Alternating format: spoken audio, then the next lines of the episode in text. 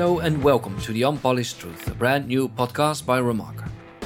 Over the course of 10 episodes, we will talk about a wild variation of political topics that trouble the world of today.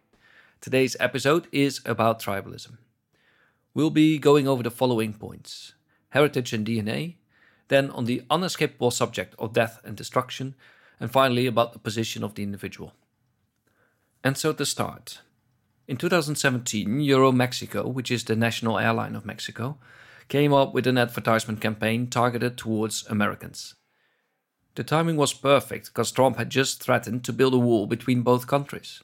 Aeromexico made a film in which they asked US citizens what they thought about Mexico, followed by a DNA test. The outcome would give a discount relative to the percentage of Mexican DNA that was found. It makes for an entertaining portrayal. People speak negatively about their neighboring country to then hear that they are for 31% from there, even before they can overcome their shock, they are presented with a discount. A place that has been historically contested, like the south of the United States, we have a very mixed bloodline.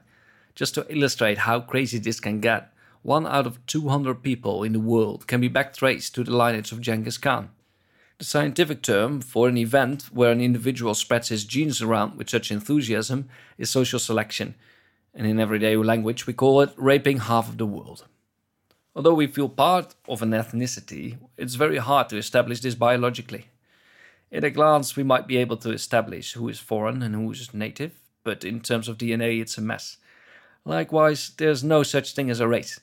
Outside of Homo sapiens sapiens, there is not a more precise way of defining groups of people scientifically. Imagine doing a DNA test to discover your heritage, but to your surprise, your father turns out to be the bass player of Bon Jovi. There's a very good reason that Jewish lineage is established only by the mother side. You can never be too certain who the father is, but if you follow the female line, it is certain that the baby has at least half of the Jewish bloodline in their veins. Okay, so it's a social construct, but that hasn't stopped anyone, has it?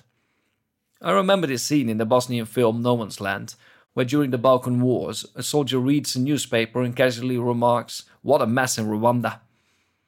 He wasn't wrong, in fact, I think it's one of the most extreme cases of constructed ethnicity and with a bloody outcome. The origins of Hutu and Tutsi is not very well documented. They share common ancestors in the Bantu.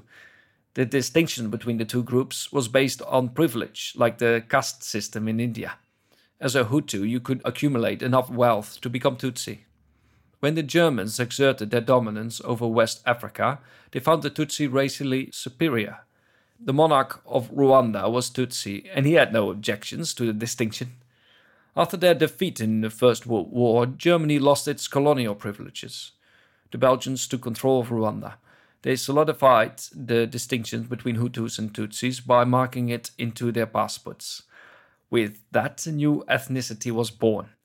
They defined Tutsis as anyone owning more than 10 cows, having a longer nose, or having a longer neck. A decade later, 70% of the Tutsis were murdered. In the smallest margin of time, two new tribes materialized and brought to the state of ethnic cleansing. My mother used to say, Why can't we all just get along? It seems like a reasonable proposition, but still we are competing in an evolutionary system. The survival of the fittest, and this is haunted by many misconceptions. The Nazis claim that they understood, and the contemporary nationalists claim that they know, but neither make an argument for diversity. Imagine the cloning machine being a thing, and we could finally make Hitler's dream come true and repopulate the world with Captain America looking dudes who would find plenty of Wonder Woman looking girls to be able to reproduce. Uh, apologies for the people who actually read superhero comics and know that these two superheroes are in different universes. Regardless, they would have their perfect babies and they'll be able to defend themselves against lions, crocodiles, and other day to day dangers. Disaster would strike when the common flu would rapidly spread and kill all of those who are vulnerable to it. Because of the lack of diversity, the supposed perfect people are left themselves with no defense. This is also the reason that the world needs both conservatives and progressives. 10,000 years ago, we lived in caves. It was in the best interest of the species to have some who would want to venture into the world and some who would never want to leave their cave.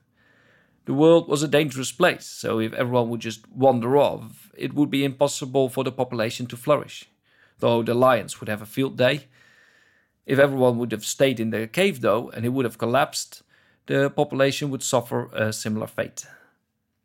I used to think that conservatives feared the outsiders, but it's not fear, it's disgust sensitivity, which is an indicator of political right wing affiliation.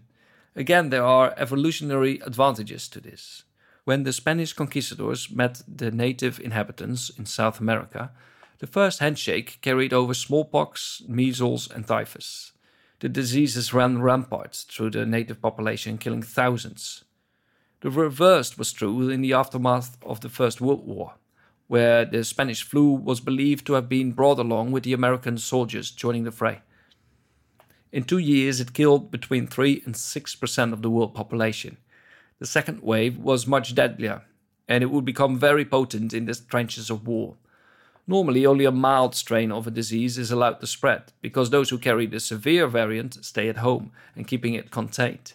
During the First World War, the mild variations stayed in the trenches, and the severe cases were transferred to crowded improvised hospitals, where it would spread like wildfire.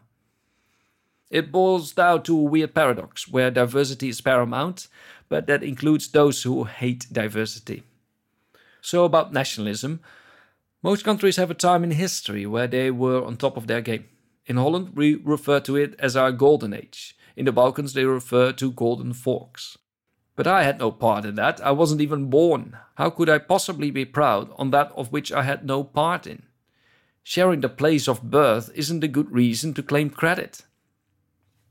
People who speak about the greatness of their group and claim responsibility for that are deluded. That the Dutch masters made fantastic paintings doesn't have anything to do with me. I couldn't even do that if I devoted my life to it. That they happen to be Dutch as well doesn't mean that I contributed. If I claim my group is better than yours because of these powerful paintings, the only reasonable reply should be that I did nothing to conceive those paintings. Reversing is equally absurd. Of all the awful things that have been done in history, these are unconnected to the people who are alive now. In the United States, this is a contemporary discussion about slavery. It's rather arbitrary, though. We've all been slaves at some point in history. The very word comes from Slavs. Germanic tribes, which the Dutch were part in that time, have been fighting in the Colosseums for decades. Over the years, it has been estimated that 40,000 people died there, but surely the Italians living now bear no responsibility for that. That brings us to the question of collectivism versus the individual. A collective identity should never be stronger than that of an individual, and let me explain why.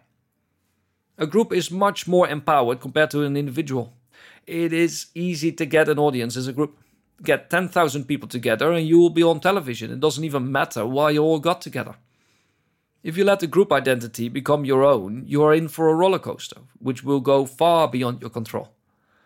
Instead of freedom of thinking, you are presented with two choices to go along with it and pray it won't conflict with your own views, or to oppose the thing that you helped create and be branded as the opposition chances are that you would help the world burn if that is what the group would demand. The banality of evil, as Hannah Arendt wrote in her studies of Adolf Eichmann. He was a Nazi bureaucrat that was responsible for the transportation of Jews to concentration camps during the Second World War. Eichmann wasn't the monster that you would expect, and when he fled to Argentina, he built up a normal family life. During the trial, he said he simply followed orders. It was normal to follow them. Hannah Arendt concluded that evil deeds can be done by people who aren't evil themselves. In fact, they could be done by anyone. If you think that you are somehow incapable of doing evil, you are more than likely wrong. You simply haven't been pushed enough. That includes me, of course. I'm a peacetime pacifist, but after my city would be besieged and I see a group of people pillaging a food store, I would certainly be tempted. I would easily get away with it, and I could give my family an edge in the months to come. And so I take the first step, declining a slippery slope down into the path of total moral depredation. Being in a tribe is fine, that's how we are wired. We need to develop socially, and we will not do it with the whole world because that's such a big place.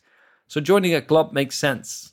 The tribe has rules and ways and traditions which you can follow, but only up to the point that you think is okay. I once attended a wedding in Serbia it was located south of Belgrade, at an airfield for remote controlled model airplanes. I was making jokes on account of the childish pastime flying miniature airplanes. My friend told me in all seriousness this is exactly what Serbia needs dorky hobbies and clubs, social groups that won't conflict with their own ideas and personalities, so they can finally start living their lives. She took a deep breath, like a mother worried sick about her spouse, and she walked off. Thank you for listening. Let me know what you think. Perhaps you think that groups are the only way to achieve change, and you would like to share how far you think they should go. Either way, let me know on the Facebook post of Remarker, which you can find on facebook.com slash remarker, and search for the topic of this podcast.